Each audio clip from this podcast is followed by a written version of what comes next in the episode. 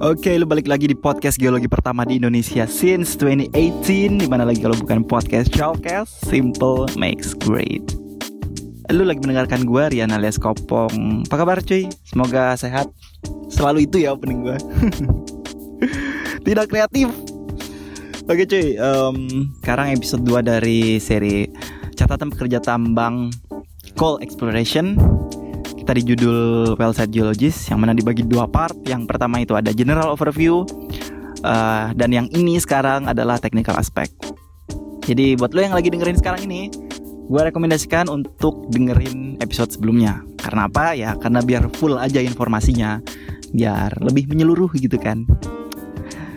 Oke, okay, um, sebelumnya kita udah banyak banget ngebahas soal wellsite itu apa, tugas-tugasnya apa, syarat-syarat yang diperlukan untuk uh, lu bisa jadi seorang wellsite, dapetin kerjaannya gimana, karirnya gimana, cara pengeboran, metode pengeboran semua udah ada di episode yang sana. Makanya kalau lu belum dengerin dengerin dulu. Kalau udah dengerin, kita lanjut materinya. Uh, dan sebelumnya gue minta maaf ya kalau misalkan audionya tidak sebagus episode-episode kemarin karena ya gue di hutan sekarang. Di belakang gue banyak banget suara bor, suara bulldozer, suara PC. Aduh, ganggu banget tadi PC-nya lewat-lewat. ganggu banget tadi di episode yang sebelum ini. Anyway, kita lanjut. Oke, jadi terakhir gue bahas soal rig. Ada rig besar, rig kecil. Rig besar, contohnya ada J-Crow 400, SP300, dan masih banyak lagi.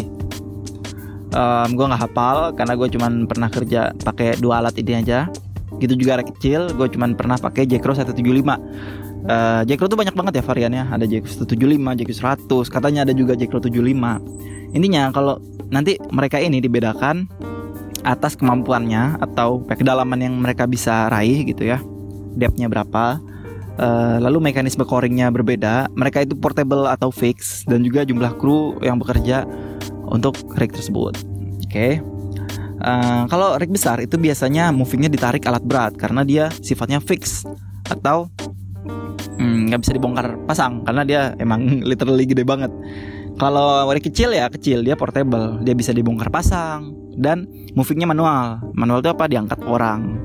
Gue pertama kali jadi well site kayak anjing ngeliat orang mikul itu alat-alat segede apa anjing kayak kok bisa gitu ya mereka ini Superman atau apa badannya sangar-sangar buset keder gue pertama kali ya. Uh, kalau rek besar itu dia bisa kedalaman tuh bisa dalam banget lah bisa up to 150 meter itu lebih. Bahkan di tempat gue bisa 200an bisa 250 kayak gitu. Bahkan up to 300 meter juga ada kalau di tempat lain. Nah itu tadi mostly fix dia nggak bisa dicopot-copot movingnya pakai alat berat. Alat beratnya apa ya itu? PC atau doser? Biasanya lebih ke arah doser sih ya doser yang narik pakai sling baja atau disebutnya winch. Uh, nah mekanisme coring itu langsung, jadi dia nggak perlu pull up pull down. Pengboran itu kan dilakukan di ujung rods itu atau rods itu stang bor di ujung rods itu ada drill bit kan bisa pakai PCD, tricone dan sebagainya. Nah uh, mungkin banyak salah persepsi ketika lu ngebor 50 meter katakanlah itu bukan 50 50 nya langsung tapi itu disusun oleh stang bor tadi yang mana stang bor itu disusun oleh pipa pengboran. Nah pipa ini banyak nih.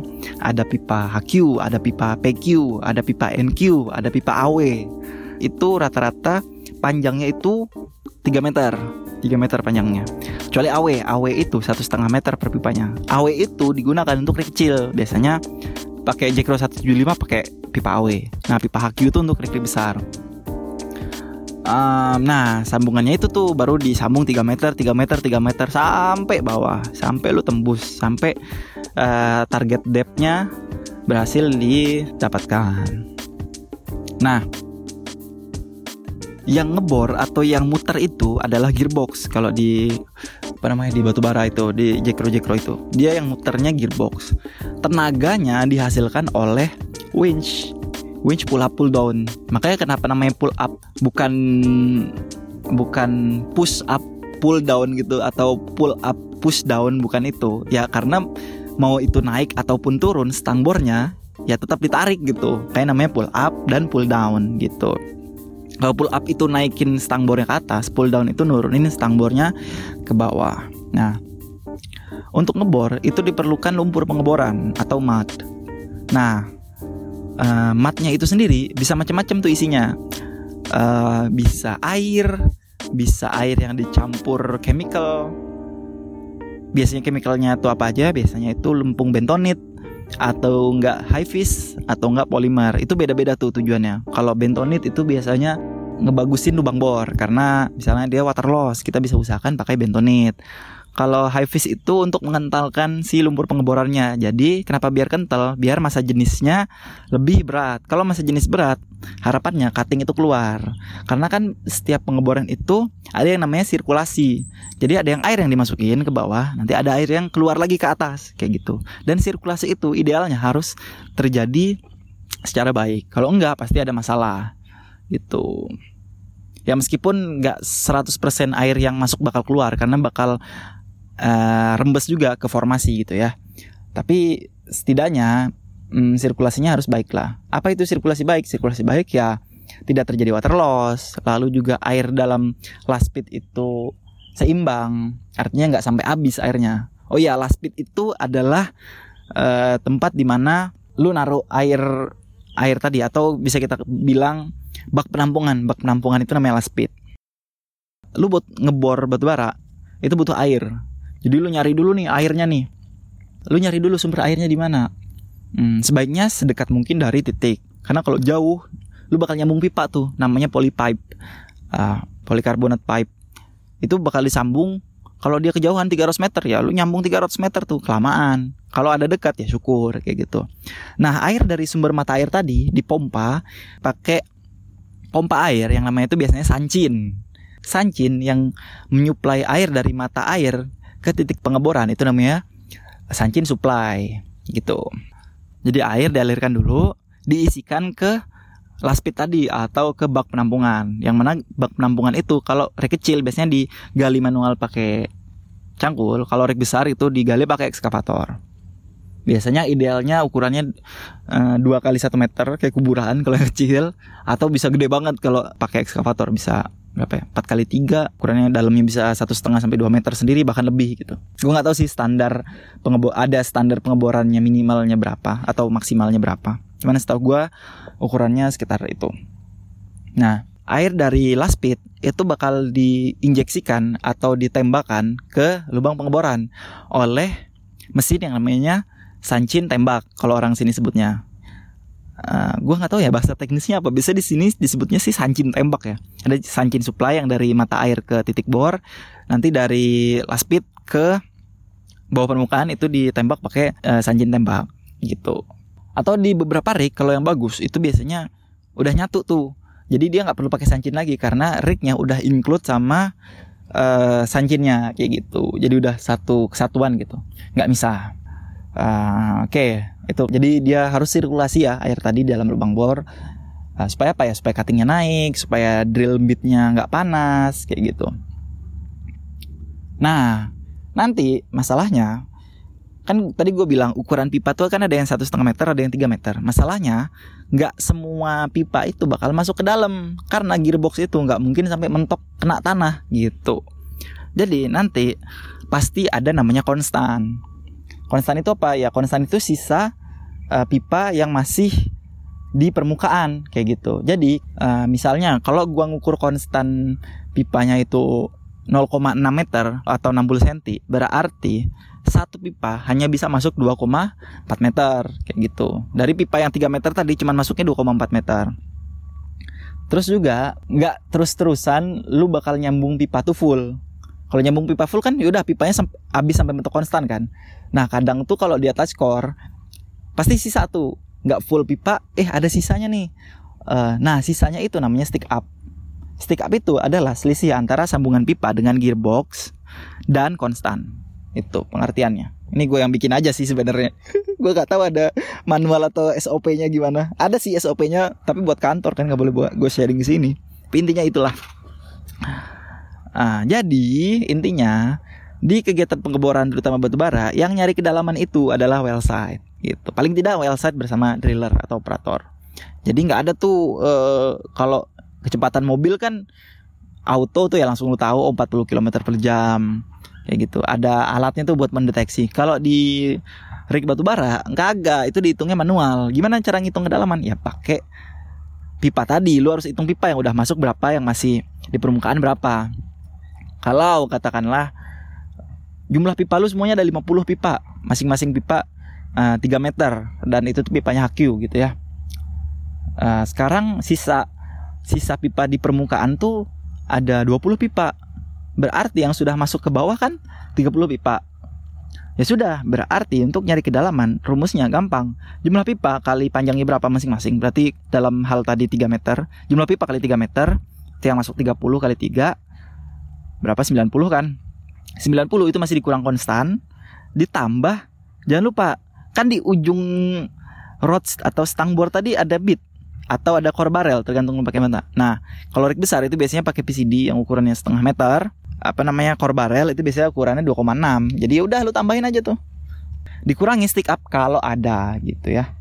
Jadi gampangnya itu tadi jumlah pipa kali panjangnya berapa dikurangin konstan dikurangin stick up ditambah bit atau barrelnya kayak gitu. Oh iya tadi kita lagi bahas rig besar ya. Gue sampai mana ya? Gue lupa deh. Ini mekanisme coring ya. Kalau rig besar itu lebih cepat. Karena rig besar core barrelnya punya yang namanya inner dan inner tube. Jadi uh, ketika lu lagi coring, lu bisa langsung ngambil coringannya tanpa harus ngepull up semua drilling rods lu atau apa namanya atau stang bornya. Stang bornya nggak perlu dinaikin gitu. Lu bisa langsung diambil pakai yang namanya overshoot. Jadi overshootnya ditembakin ke bawah pakai winch atau pakai wireline. Intinya itu semua ada yang bilang sling, wireline, winch itu intinya tali baja. Bedanya ini kalau winch itu tali baja yang tebel yang gede kalau yang wireline itu biasanya ukurannya lebih kecil gitu. Nah ya udah tuh lu langsung ditarik pakai itu keluarlah nanti si innernya yang mana di dalam inner itu ada inner tube yang mana di dalam inner tube tadi ada batunya atau ada koringannya. Gitu deh intinya lebih cepat gitu. Oh ya tadi gue belum jelasin ya um, apa namanya mekanisme pipa disambung tuh gimana. Ya intinya gitu loh intinya pipa itu disambung satu-satu pakai sambungan ada female ada male. Male-nya dimasukin ke female terus semuanya itu di handle pakai pakai handle. Yang namanya itu di sana bisa gerakin pressure ada ada meteran-meterannya uh, bisa tahu juga nanti dari dari meterannya itu apakah ini litologinya lempung kah atau pasir kah atau batu baranya kah. Lempung itu lebih sulit di dipenetrasi kalau batu bara dan pasir itu lebih gampang masuknya kayak gitu. Itu semua dikendalikan di handle kan. Nah, yang muternya itu gearbox dan yang naik turun itu namanya wind pull up pull down. Itu untuk rek besar. Ada juga rek kecil Nah, kalau dari kecil itu dia lebih dangkal kan. Biasanya tuh pengalaman gue tuh cuman 70 sampai 100-an meter. Uh, 150 masih bisa lah. Cuman uh, pengalaman gue cuman bisa coring tuh sampai 100. Dia portable jadi bisa dipisah-pisah jadi kecil terus dipikul untuk moving. Dan mekanisme coringnya beda. Dari kecil itu lebih lama untuk coringnya karena dia harus pull up pull down si stang bor Artinya ya stang bornya harus dinaikin sampai atas. Baru nanti di ujungnya itu di core barrelnya itu isinya koringan isinya batu. Ya baru batu yang di dalam core barrelnya itu bisa dikeluarkan kayak gitu. Intinya lebih lama lah, lama banget. Apalagi kalau makin dalam ya, makin dalam ya makin lama. Soalnya ada 30 pipa nih di dalam koring gitu dipakai kecil. Ya udah 30 30 pipanya harus diangkat dulu ke permukaan. Nah, nanti udah diambil batunya lanjut coring lagi masukin lagi 30 30 nya bayangin berapa lama cuy kerjanya. Kayak gitu. Jadi keunggulannya lebih cepat kalau coring pakai rig besar. Tapi kelemahannya juga lebih banyak lebih mahal pasti kalau rig besar ya. Ya semuanya plus minus lah. Tergantung kondisi yang bakal lu hadepin di lapangan. Dan tujuan pengeborannya itu sendiri gitu.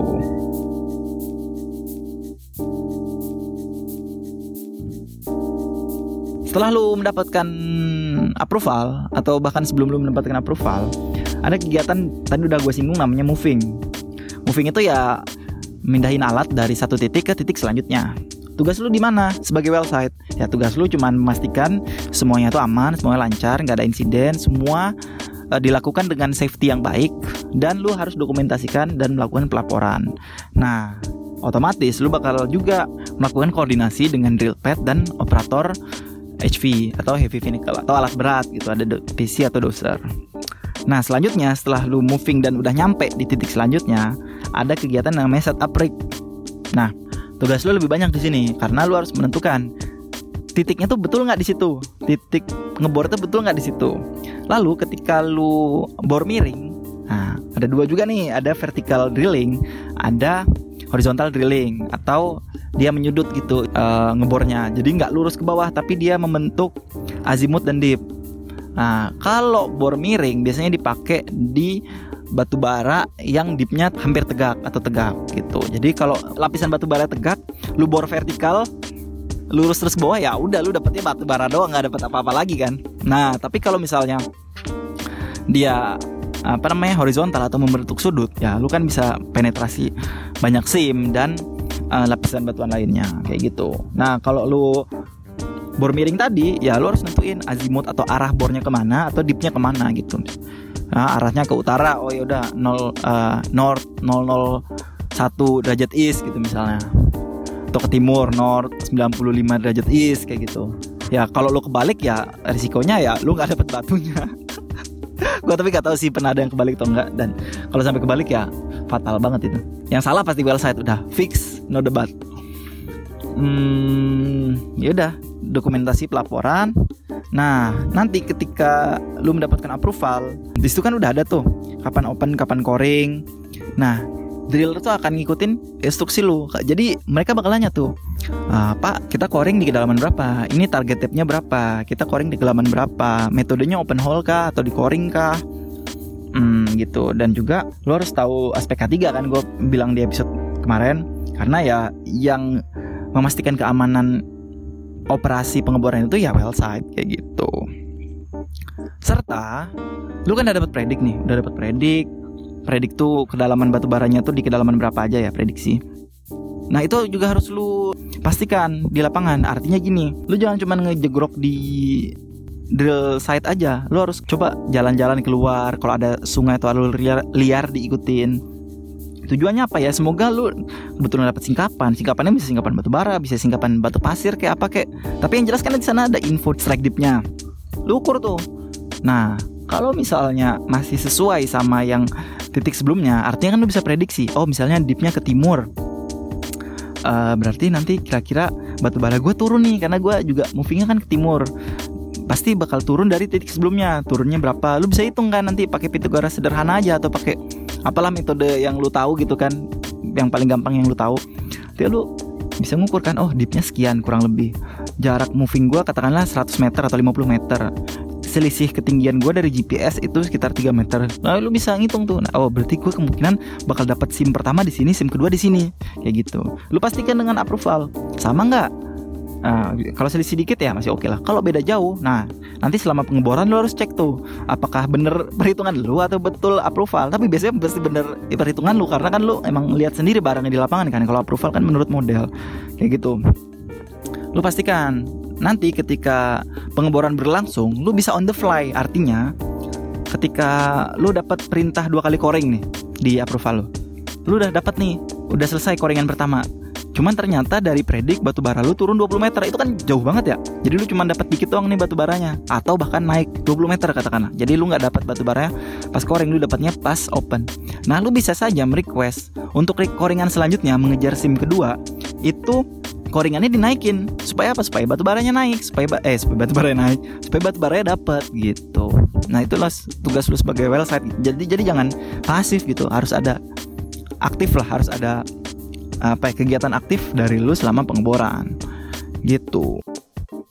Balik lagi ya. Lu kalau misalkan pengen ngikutin approval doang atau ya sekedar sekedar touch core touch core doang ya nggak apa-apa. Cuman kan kalau lu mau bagus balik lagi ngasih 110% kekerjaan lu ya sebaiknya lu melakukan apa yang apa yang kita diskusikan di sini gitu. Oke. Jadi katakanlah semua udah selesai kegiatan pra pengeboran selesai masuk yang namanya kegiatan pengeboran. Tugas utama lu sebagai well site geologist adalah supervisi supervisi. Karena gimana ya gimana pun sepinter-pinternya lu dalam pengeboran ujung-ujungnya kan yang megang itu handle rignya kan ya operator gitu. Nah, ini dibutuhkan komunikasi lu ke driller harus lancar karena gimana pun itu tadi yang ngerti urusan bor ya mereka. Nah, nanti lu juga pasti bakal menentukan kedalaman karena balik lagi kan. Jadi mungkin kayak ketika ada supervisor lu datang ke lapangan uh, kedalaman berapa pak ini kedalaman berapa mas ini ya kalau lu nggak tahu siap-siap disikat uh, terus yang kayak gue bilang di awal itu mengumpulkan informasi geologis sebanyak mungkin. Nah, kalau lu kondisinya lagi open hole, informasi geologi itu bisa lu dapetin dari cutting. Lu lihat tuh air cuttingan. Kalau lu lagi ngehantem batu bara, biasanya air cuttingan itu hitam atau paling enggak coklat. Coklatnya tuh coklat pekat kayak susu coklat gitu loh, lebih pekat lagi karena jarang jarang keluar item banget juga sih karena kan udah nyampur sama formasi yang lain gitu nyampur lempung kayak gitu. Tapi setidaknya pasti warnanya tuh gelap. Kalau lempung eh, biasanya ya cuttingnya naik sih cuman biasanya tuh gumpal-gumpal gitu. Kalau pasir ya itu jelas banget. Ketika lu raba air cuttingan di tangan lu dan lu gesek-gesek itu oh ini pasir nih kayak gitu caranya. Uh, pokoknya lu harus tahu lah cara ngelihat cutting tuh gimana bisa pakai tangan lu atau bisa pakai saringan yang betul ya pakai saringan sebenarnya.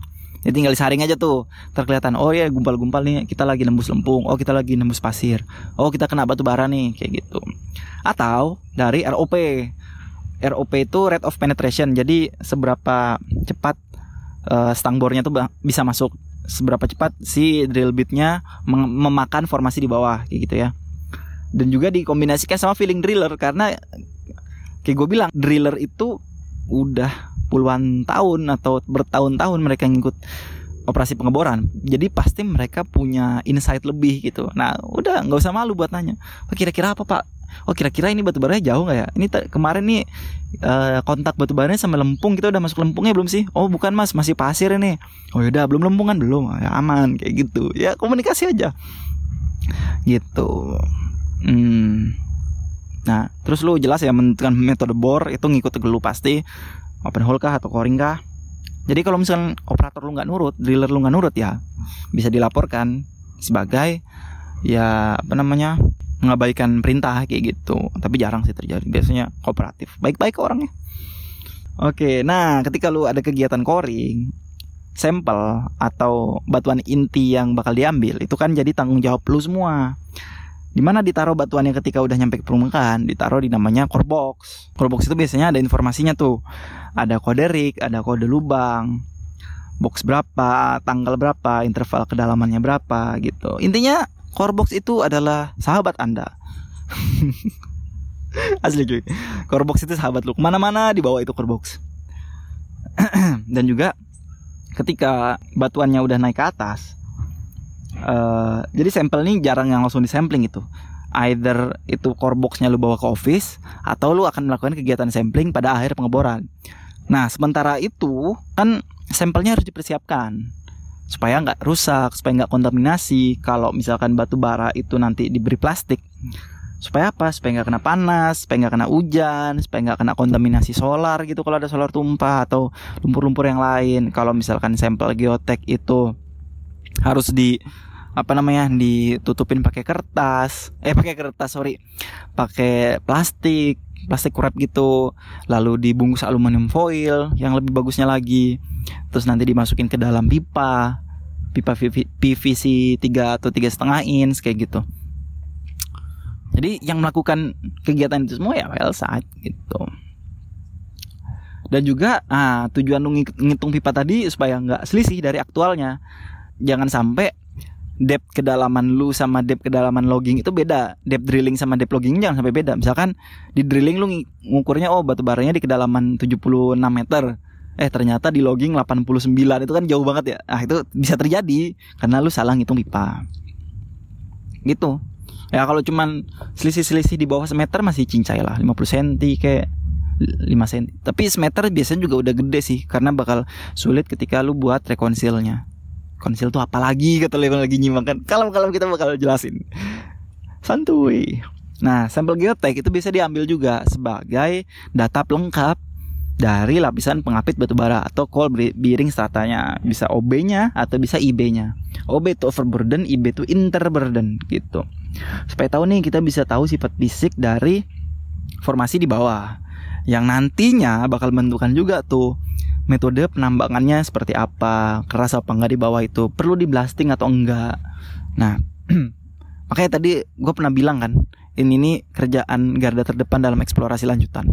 Ya karena data-data yang lu kumpulkan, data-data yang lu dapat, data-data yang lu sampaikan nanti itu bakal bakal panjang urusannya sampai nambang pun sampai reklamasi bahkan kepake gitu. Jadi ya lo harus melakukan aktivitas apa pun itu di lokasi secara baik dan benar kayak gitu. Contohnya misalnya eh, sampel geotek tadi katakanlah dari barrel atau inner tube kan udah keluar tuh. Keluarnya tuh ke core split. Core split tuh biasanya pipa PVC yang dipotong setengah jadi si koringannya itu bisa dikeluarin ke sana. Nah, udah tuh nanti lu bungkus pakai plastik langsung dibungkus pakai plastik di ya angin anginin dulu bentar lah sampai airnya atau lumpurnya agak kering dikit nggak apa-apa. Lalu lu bungkus plastik kayak lontong tuh kan bungkus wrap tebel banget kan nah terus ada perusahaan juga yang mintanya dibungkus lagi pakai aluminium foil supaya nggak rusak kan Nah, terus nanti lo masukin ke PVC, dimampetin tuh PVC-nya karena biasanya PVC-nya tuh ukuran ring 60 cm, sampelnya tuh ukuran 50 misalnya. Kan ada selisihnya 5 atas 5 bawah tuh. Nah, itu dimampetin supaya sampelnya nggak goyang. Karena kalau goyang-goyang nanti bisa patah gitu. Dah, jangan kena panas, jangan kena hujan.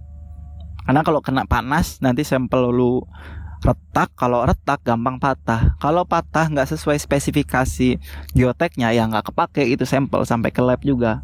Kayak gitu. Uh, lalu juga yang paling penting itu dokumentasi selama pengeboran. Jadi dari mulai aktivitas foto cutting box, core box, foto lokasi kerja, foto trouble-trouble yang terjadi. Nah iya trouble itu juga lu paling nggak harus tahu lah dikit-dikit. Inner cup rusak atau misalnya apa namanya spring valve rusak, spring valve sanjin rusak atau gearboxnya bermasalah itu lo harus tahu karena ujung-ujungnya lu akan ikut melaporkan kendala tersebut. Karena kalau ada kendala terus nggak lu laporkan terus besok-besok kendalanya tuh menjadi insiden yang besar ya nanti kan dicari tuh root cause-nya kenapa. Nah lu bisa kena tuh karena gue pernah kejadian kayak gitu syukurnya gue gak kena sih karena root cause dari trouble yang sekarang ini lagi gue hadapin itu efek dari dua uh, dua titik pengeboran sebelumnya. Jadi gue ngelaporin kan bahwa uh, winch itu rusak winch itu rusak tapi belum ada tindak lanjut nih dari manajemen kan. Tapi apa namanya tapi pengeboran tetap dilakukan. Nah itu kan sebenarnya salah. Gue nggak ngerti kan kenapa. Ya ini gue cerita cuma di podcast nih doang nih ya. Sebenarnya nggak boleh keluar nih cerita tapi ya udahlah udah lama juga. Udah aman nggak ada apa-apa. Nah ternyata satu titik aman. Titik selanjutnya winchnya putus lagi dan menyebabkan gearboxnya jatuh ke bawah beserta pipa-pipanya sekalian gitu. Jadi cubrak anjing gue kaget banget kan. Cubrak jatuh itu pipa.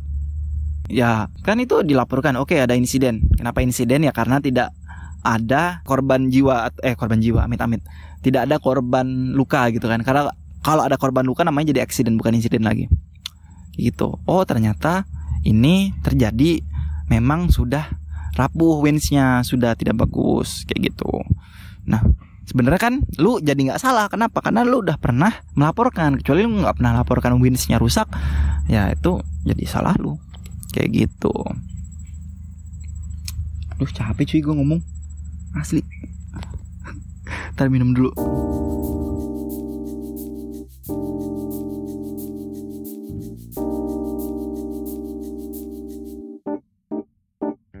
Oke cuy, daripada capek ya ngomongin trouble mulu, trouble mulu. Dan gue juga capek kalau misalkan ada trouble, capek bikin laporan dan capek harus standby-nya. Mending kita bahas masalah geological aspect. Nah ini nih yang menarik. Ya namanya juga well site geologis ya. Ya lo gimana pun seorang geologis atau geolog. Nah ketika lo dalam eksplorasi batu bara, lo kan mencari batu bara nih ceritanya. Kira-kira lo akan mencari batu bara itu di lingkungan seperti apa sih? Di lingkungan pengendapan seperti apa? Apakah dia laut dangkal? Apakah fluvial? Apakah laut dalam? Apa? Nah, kalau mencari batu bara, udah hampir pasti lu nyarinya tuh di lingkungan darat. terutama di delta dan fluvial system gitu. Terutama di, di daerah delta ya, ketika apa namanya lu tahu kan delta itu ada tiga, ada pro delta, ada uh, delta front sama delta plain ya. Kalau mau dapat yang benar-benar tebal, batu baranya in situ terus juga apa namanya kualitasnya bagus ya biasanya lu akan mengejar si delta plainnya um, nah dari yang gue bilang tadi delta dan fluvial terus juga ya paling mentok laut dangkal lah masih apa namanya shore shore gitu apa lingkungan pantai tapi itu juga jarang pasang surut tidal ya lu bakal ketemu sama lingkungan-lingkungan gitulah nah dari lingkungan itu lu pasti udah tahu kan kita bakal berhadapan sama litologi seperti apa nah ya sudah paling kita bakal menghadapi batuan sedimen terutama ya perselingan batu pasir, batu lempung, apalagi batu bara. Nah kayak gitu. Apakah mungkin ditemui gamping? Mungkin, cuman amat sangat jarang. Ya berarti kalau lu udah ketemu gamping, lu udah berarti ketemu lautnya. Yang mana kalau udah di lingkungan laut, terutama laut dangkal ya batu bara mau dari mana kan? Batu bara sendiri berasal dari tanaman tingkat tinggi kan, yang mana um, tumbuhnya itu di rawa-rawa, terus mengendap dan sebagainya. Ya lu tau lah pelajaran apa mata kuliah geologi batu bara. Nah, jadi gue pengen nekanin aja di sini litologi yang paling sering lu dapetin kalau lu uh, lagi berada di pengeboran batu bara. Nah, yang pertama yang paling penting batu baranya itu sendiri atau coal. Um, Sebenarnya nggak semua yang hitam itu batu bara, nggak semua yang hitam itu batu bara. Jadi, lu masih harus deskrip tuh batu baranya itu seperti apa. Karena yang hitam-hitam itu selain batu bara, kita masih mungkin menemukan batu bara lempungan atau lempung batu baraan, yaitu uh, ada shelly coal atau coal shale. Nah, uh, dalam eksplorasi, gue nggak tahu ya kalau material lain kayak shelly coal, coal shale itu bakal ditambang atau enggak. Tapi yang jelas kalau dalam eksplorasi, lu bakal ngejar itu yang benar-benar coal, yang benar-benar batu baranya. Terlepas dari apakah dia itu bituminus, bituminus, antrasit, lignit kayak gitu. Yang penting lu nyari batu baranya, maka lu harus mendeskripsikan batu bara itu dengan benar. Nah, apa sih ciri batu bara dibandingin yang lainnya? Gampang, batu bara itu uh, sifat fisiknya dia keras, bener-bener keras.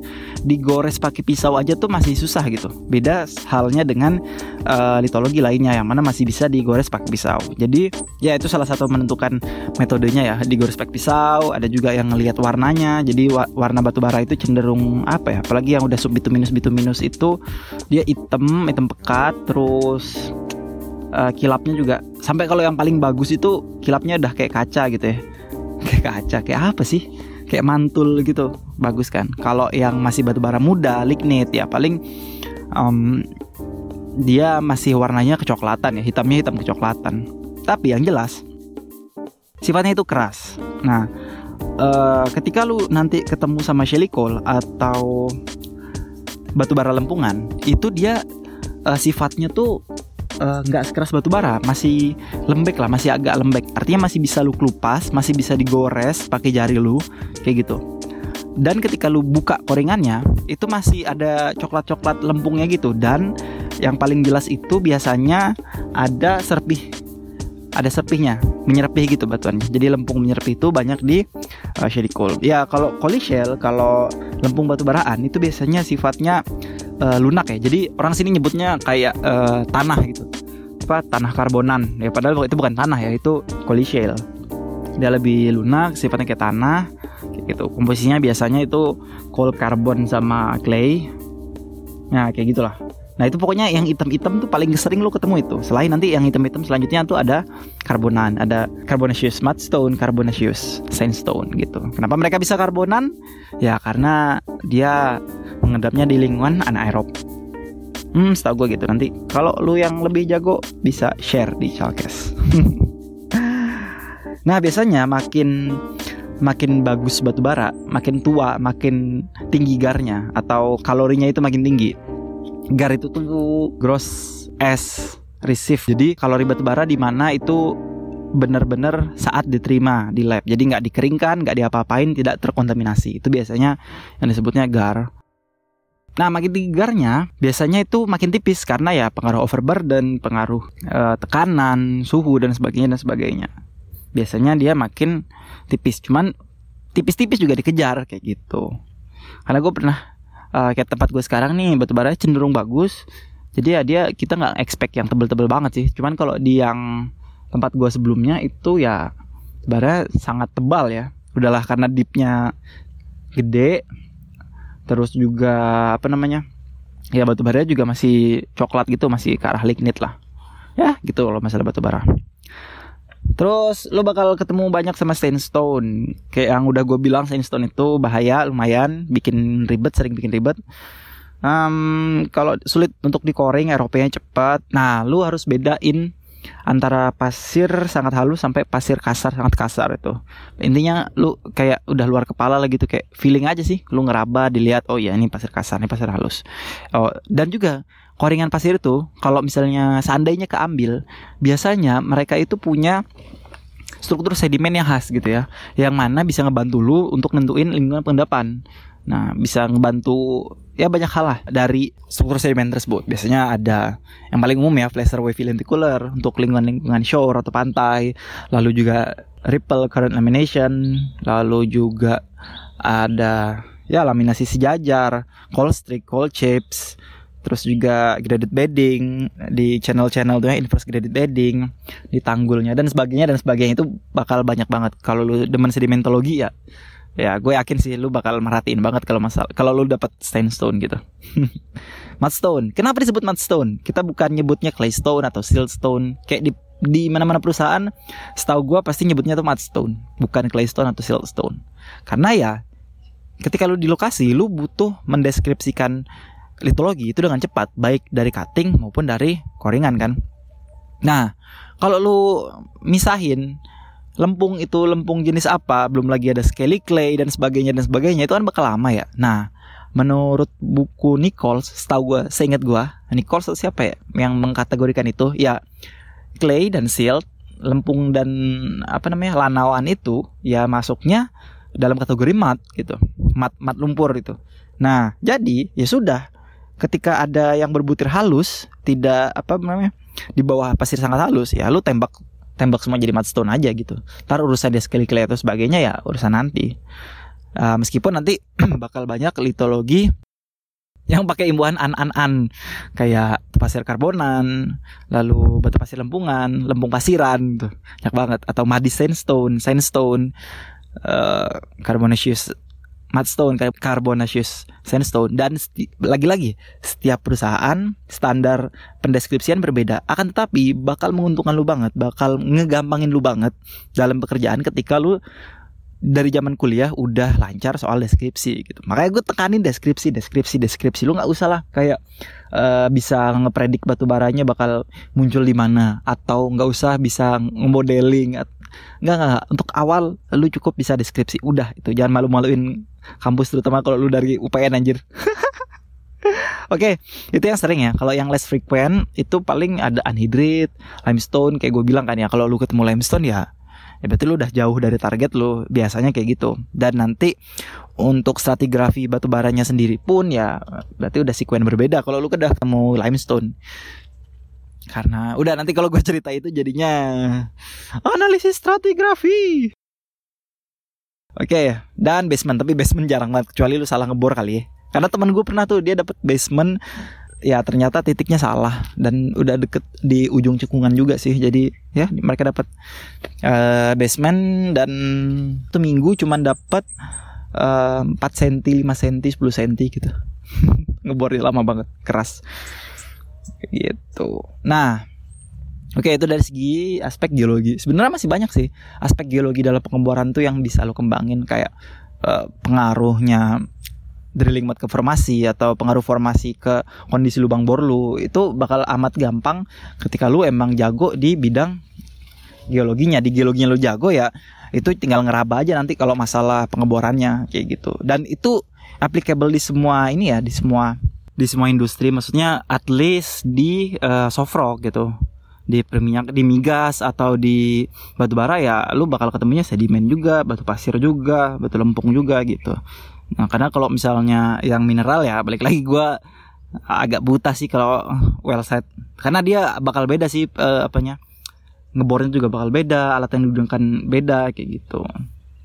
Nah terus bonusnya kalau lu udah mungkin makin berpengalaman, makin berpengalaman, ya lu mungkin nanti bakal bisa bikin predik on the fly. Maksudnya gini, ketika lu ngebor, uh, di mana lu dapat SIM pertama gitu. Lu kan ngebor sebelumnya udah logging kan. Nah, lu lihat hasil loggingan lu di mana dapatnya SIM pertama. Lalu nanti kalau misalnya turun atau naik atau pas pun baru disesuaikan dengan interbar interburdennya sehingga di lubang yang lagi lu, lu sekarang ini lu bisa expect oh gue bakal dapat batu bara di sekian di sekian di sekian gitu itu dari logging lubang sebelumnya dari singkapan di sekitar juga dan juga dari yang sim sim yang didapat kayak gue bilang tadi nah, tinggal nanti uh, apakah Nah, kalau untuk nentuin nama SIM memang sulit sih. Tapi paling enggak lu mungkin lu bisa menentukan SIM itu ketika karakter interpreternya sama, terus juga karakter call-nya itu gimana. Artinya misalnya gini nih. Oh, karakter call di sini nih kontak pasir atasnya. Kontak pasir atasnya terus tapi tebal ke bawah, terus kontak lempung bawah. Atau misalnya atas bawahnya lempung, tapi sebelum lu ketemu call-nya, lu bakal nemu Shelly call yang tebal nih dua kali. Jadi Shelly call terus lempung terus Shelly call lagi baru ketemu callnya ah kayak gitu karakteristik seperti itu yang bisa lu ketahuin langsung terutama ketika lu lagi coring nah tapi itu kayak kayak udah advance lah gitu Oke, nah tadi kan gue udah bawa-bawa logging tuh. Logging itu sebenarnya sih masuknya di uh, tahap akhir pengeboran. Jadi logging baru akan masuk ketika lu udah EOH atau end of hole atau lubang lu udah sampai di target depth atau orang sini nyebutnya udah tembus lubangnya udah tembus kayak gitu nah terus aspek logging apa aja yang dipakai sih ya sebenarnya sama aja sih gamma ray density yang paling penting itu uh, ada yang pakai neutron ada cuman nggak umum gitu dalam eksplorasi batu bara pasti yang dilihat tuh density dan gamma ray kaliper ada Kaliper tuh jadi dia ngukur diameter lubang bor. Jadi kalau ada caving, ada mud cake, ada sebagainya itu bisa ketahuan dari kalipernya. Kan kalau neutron dia ngukur porositas kan, which is ya mungkin bakal berguna kalau lu di miga sih, kalau di batu bara kan enggak. Gua nyebut batu bara aja ya, karena mungkin kalau batu lempung, batu pasir kan di kuliahan lu udah dapat udah ngerti lah uh, masing-masing properti di loggingnya. Pokoknya gamma batu bara tuh kayak pasir, dia bakal ngekick ke arah yang rendah. Karena apa? Karena batu bara tidak mempunyai atau sedikit radioaktifnya. Dia gamarinya rendah, sama kayak pasir. Kalau mason tuh dia ngekiknya ke kanan ya atau ke yang arah tinggi karena dia tinggi radioaktivitas. Um, lalu density, kalau itu jelas ya, dia densitinya tuh rendah karena emang ringan batunya kan, beda kayak batu pasir atau batu lempung. Nanti juga yang karbonan tuh biasanya uh, densitinya juga ikutan ngekick ke arah yang lebih rendah sih gitu. Nanti kalau sandstone dan mudstone itu relatif tinggi. Udah sesimpel itu sih kalau misalnya logging batubara itu yang bikin gak simple ketika terdapat miss antara depth drilling sama depth logging itu yang jadi gak simple karena nanti lo harus memindahkan menggeser batu baranya di uh, reconcile. Jadi di reconcile tuh kayak diikat lah, di tie depth logging sama depth drilling lo. Jadi disamain gitu, disamain uh, nanti gunanya adalah untuk sampling batu bara yang mana itu adalah kegiatan pasca pengeboran. Terus juga nanti data-data logging ini selain berguna ya jelas ya untuk tahu apakah batu bara di daerah tersebut ekonomis, apakah tebal, cara nambangnya gimana dan sebagainya, eh, bakal berhubungan juga sama korelasinya, modelingnya gimana, geometrinya seperti apakah dipengaruhi lipatan kah, apakah dia datar-datar aja, dan juga bahkan mungkin bisa sampai ke sekuen analisisnya. Karena seperti di pelajaran kuliah kita tahu batu bara itu dia relatif dia tipis tapi perlamparannya tuh relatif luas hingga bisa dijadikan kibet. Gitu itu kalau dari segi geologi sih. Sebenarnya masih banyak banget cuman karena dicampur sama drilling dan overview well set kok jadi kayak kepanjangan ya. Ntar kita bikin lagi cuy untuk masalah geologi dalam pengeboran. Intinya gini intinya ya selama Rick di luar workshop atau di luar dari headquarter kantor lu ya itu jadi tanggung jawabnya well site gitu. Mau dia di maintenance kek mau dia standby kek mau dia ada progres pengeboran kek ya intinya semua pelaporan itu ada di well site dan selama pengeboran well site wajib juga uh, menulis report harian yang mana biasanya namanya itu DDR daily drilling report itu ya semua perusahaan pasti sama gue yakin isi DDR-nya tuh ya ada interval drilling, OH berapa, coring berapa, cuaca, trouble-nya apa aja, kegiatan, ya standar gitulah. Hmm, gampang sih ngisinya, cuman harus benar. Kalau nggak benar, ya nanti bakal bakal nyusahin orang office. ya paling lu diteleponin malam-malam. Ini yang bener kedalamannya yang mana? Kok ini beda? Gitu. Hmm, Oke, okay. masuk ke yang akhir adalah pasca pengeboran. Nah, udah nih selesai ngebor, lu moving ke titik selanjutnya. Nah, udah lu uh, operator lu, kru lu semua moving ke titik selanjutnya. Nah, tugas lu ngapain? Tugas lu itu biasanya adalah membuat marking. Jadi, titik bor lu itu lu tandain di GPS atau kalau misalnya uh, sudah ditandain sebelum ngebor, uh, nanamin patok. Gunanya apa patok itu? Jadi uh, acuan untuk kegiatan eksplorasi selanjutnya, terutama untuk orang-orang topografi. Karena kan lu uh, udah ngebor nih, lu ngebor. Ada tadi aja masalah depth aja beda kan, ada depth drilling sama depth logging. Nah, depth logging dan depth drilling ini nanti kan diikat, di tie, di koreksi kan. Nah, itu masih ada koreksinya lagi, koreksi terhadap uh, morfologi, koreksi terhadap morfologi. Nah, jadi nanti setelah lu ngebor atau selesai area sekitar lu itu dibor, maka nanti yang masuk selanjutnya adalah orang topografi. Ngapain? Ya melakukan pemetaan topografi gitu. Mereka mereka pengen lihat nih oh morfologi seperti apa peta kontur yang akan dihasilkan seperti apa. Nanti titik titik markingan lo itu akan diikat lagi tuh sama uh, morfologi atau topografi yang didapat. Sehingga kedalaman yang lu dapat kedalaman batu bara yang lu dapat itu bener-bener detil. Kayak gitu. Sampai mungkin hitungan mili. Ah gitu. Makanya lu kasih patok. Jadi tahu nih oh ngebornya tuh di sini kemarin tuh. Kayak gitu. Terus juga pengecekan lokasi. Lo harus ngecek nih lokasinya. Kalau bisa bahkan di beberapa perusahaan itu dia mengenalkan yang namanya zero trace. Artinya apa zero trace?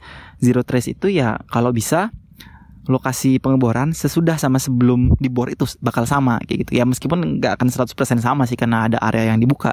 But at least nggak ada sisa oli sisa apa sampah yang kayak gitu-gitu. Jangan sampai ada Nah, terus itu kan di apa namanya? Itu kan yang lu lakukan di lokasi tuh habis ngebor. Nah, ada juga hal yang harus lu lakuin di mes atau di office atau di flying cam lu. Ini namanya pembuatan logbor atau andrek. Logbor itu kayak kayak lu bikin MS zaman kuliah. Jadi uh, urutan stratigrafi dari awal lu ngebor sampai ke paling bawah. Yang data-datanya diketahui dari data cutting, data coring, serta logging. Lu lihat, lu bikin urutan-urutannya set, itu nanti hasil akhirnya akan diolah lagi buat jadi drill sheet. Itu atau lembar pengeboran. Nah, tapi itu masih jauh. Nah, sebagai well set geologist, lu harus membuat uh, eh, MS-nya itu, si logbornya itu atau unrack-nya baru nanti setelahnya setelah diproses data-data lu semua diproses udah oke okay semuanya.